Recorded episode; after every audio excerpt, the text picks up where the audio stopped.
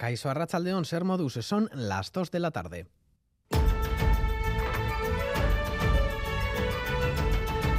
Crónica de Euskadi con Lier Puente. Las editoriales y librerías sacan los libros a las calles en el día de hoy, 23 de abril, Día del Libro. Esta jornada fue la del nacimiento o muerte de varios de los grandes autores de la literatura universal, como Miguel de Cervantes, Garcilaso de la Vega, William Shakespeare o Josep Pla. En muchas ciudades han organizado ferias de libros. En una de ellas, en Donostia, está nuestra compañera Nerea Picabea. Rachaldeón, Nerea. A la lluvia no ha sido un impedimento para los aficionados a la lectura. El contacto directo entre lector y librero es beneficioso, según nos han contado las diferentes editoriales que exponen hoy sus libros. Durante la pandemia, en las librerías han notado un aumento en las ventas. Es una manera de, que la gente que no está acostumbrada a ir a las librerías pueda ver un poquito lo que es el libro y introducirse un poco en lo que es la lectura y todo esto. Estos últimos tres años después de la pandemia están siendo buenos. Se nota que la gente está leyendo, que elige sus libros, que pregunta por otros autores. El mundo de la literatura infantil y juvenil sí que van ellos con las familias a elegir, a mirar y eso es, pues, se, se nota que ahí ha habido un crecimiento, sí. Es muy bueno, muy bueno. A pesar del avance de las nuevas tecnologías, los lectores prefieren el libro físico. Dar una vuelta por aquí a ver si había algún libro chulo de artistas nuevos y así, o sea que a dar una vueltica. Nada, en principio mirar un poco lo que había y a ver si nos interesaba algo. Yo soy más de misterio, me gusta mucho Agatha Christie y Sherlock Holmes y este tipo de personajes, o sea que... Yo sobre todo de amor y de misterio, pero me quedo más con los de amor. Los más rezagados tienen aún tiempo para echar un vistazo a la amplia selección que han hecho para hoy las editoriales.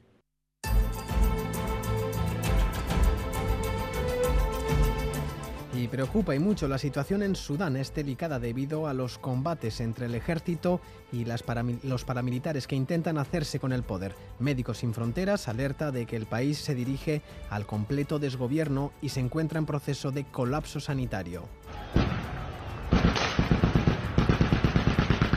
Países han, comenzado a evacuar a sus nacionales, pero no está siendo fácil porque el acceso al aeropuerto no está bajo control gubernamental. Los tiroteos y los bombardeos se dan en zonas pobladas donde viven gran cantidad de civiles. Estados Unidos ha evacuado este domingo al personal de su embajada. Libia ha concluido la evacuación de sus ciudadanos por vía marítima. España comenzará hoy la operación de evacuación y el Reino Unido tan pronto como sea posible. El abastecimiento de agua en Euskadi está garantizado para más de un año, aunque no llueva. Así lo ha afirmado el director de URA, la Agencia Vasca del Agua, Antonio Aiz, esta mañana aquí en Crónica de Euskadi fin de semana al tiempo que ha reclamado un uso racional de la misma y hacer más sólidos los sistemas de embalses y control de fugas. En una situación de, emergencia, de, no lluvias durante un año, estaríamos con el agua que tenemos almacenada estaríamos garantizando el abastecimiento de la población en ese ámbito que es el 50% de la población de Euskadi eh, para más de un año. Además, les contamos que una de las dos personas fallecidas en el incendio del restaurante en Madrid, cuando se realizaba un flambeado, es una mujer de 43 años de Vizcaya, que se encontraba de vacaciones. Trabajaba como enfermera en el IMQ de Zorrozaurre. Una de sus amigas permanece ingresada en estado grave. La otra persona fallecida es uno de los cocineros del establecimiento, un joven de 25 años. Se prende una de las dos plantas de plástico que cubren todo el restaurante y todo el techo y en un minuto eso es el, infierno. Intentaron romper los cristales a patadas porque no podía salir la gente que estaba dentro. Sacando uno que, que le acompañaban dos, lo llevaban a la ambulancia entre dos, todo lo demás iba como si estuvieran intoxicados del, del humo. Además, la Policía Municipal de Pamplona ha detenido esta medianoche a cuatro menores tras pegar una paliza a un joven de 18 años al intentar robarle en el barrio pamplonés de San Jorge. El agredido ha sufrido varias fracturas, ha sido ingresado en el Hospital Universitario de Navarra y es posible que necesite ser intervenido quirúrgicamente. Los cuatro menores se habrían acercado a la víctima y le habrían pedido el móvil. Al negarse, le han empezado a golpear, como nos contaba un portavoz de la Policía Municipal de Iruña. El agredido se ha negado a entregarlo y ha empezado a recibir golpes hasta que han aparecido por el lugar varias personas que iban a sus domicilios eh, y han alertado a la policía.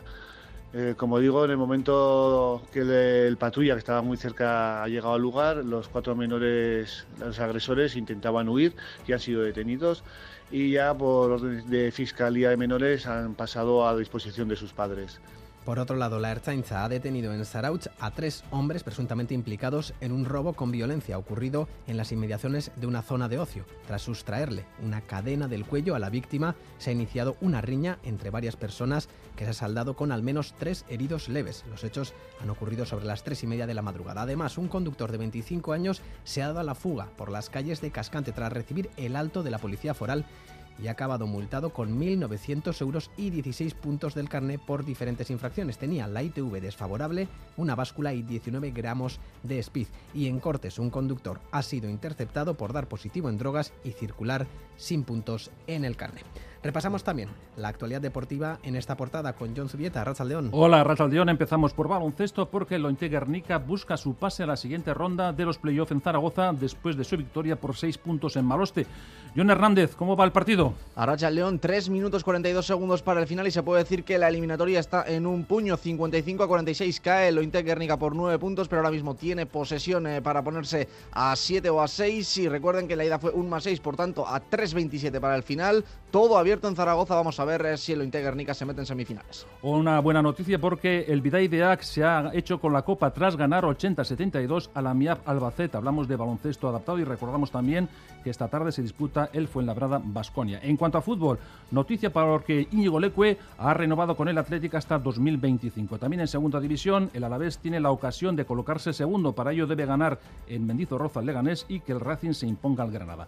Por lo que se refiere al balonmano, el Veravera logró el pase a la final de hoy de la Copa de la Reina ante el Granollers tras ganar 25-23 al Guardés. En pelota, Miribilla coge el duelo estelar entre Unai Lasso y Joaquín Altuna al día siguiente del triunfo de Pello Echeverría ante Jaca en el Labrit por 22-12 y por último un apunte de ciclismo porque Pogachar ha abandonado la Lija Bastón Lija por una caída en el kilómetro 85.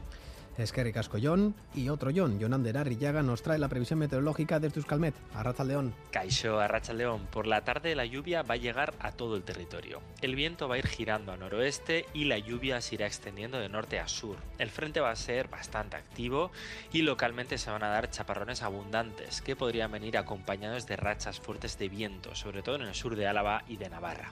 Además, el frente va a traer consigo un refrescamiento, por lo que la tarde va a ser más fresca que la mañana.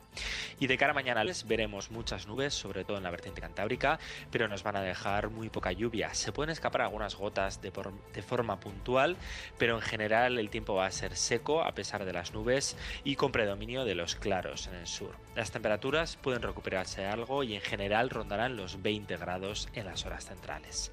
Por tanto, la tarde del domingo va a ser lluviosa y fresca y comenzaremos la semana con muchas nubes, pero poca lluvia. A estas horas tenemos 16 grados en Gasteiz e Iruña, 15 grados en Bilbao y 13 en Donostia y Bayona. En nuestras carreteras, el Departamento de Seguridad pide precaución en la A8 a la altura de Basauri, donde se ha registrado una salida de calzada de un turismo, lo que ha obligado a cerrar un carril en sentido Donostia. Reciban un saludo de los compañeros y compañeras de redacción que hacen posible este informativo, también de Jorge Ibáñez y Jesús Malo desde la parte técnica. Son las 2 y 8 minutos. Comenzamos.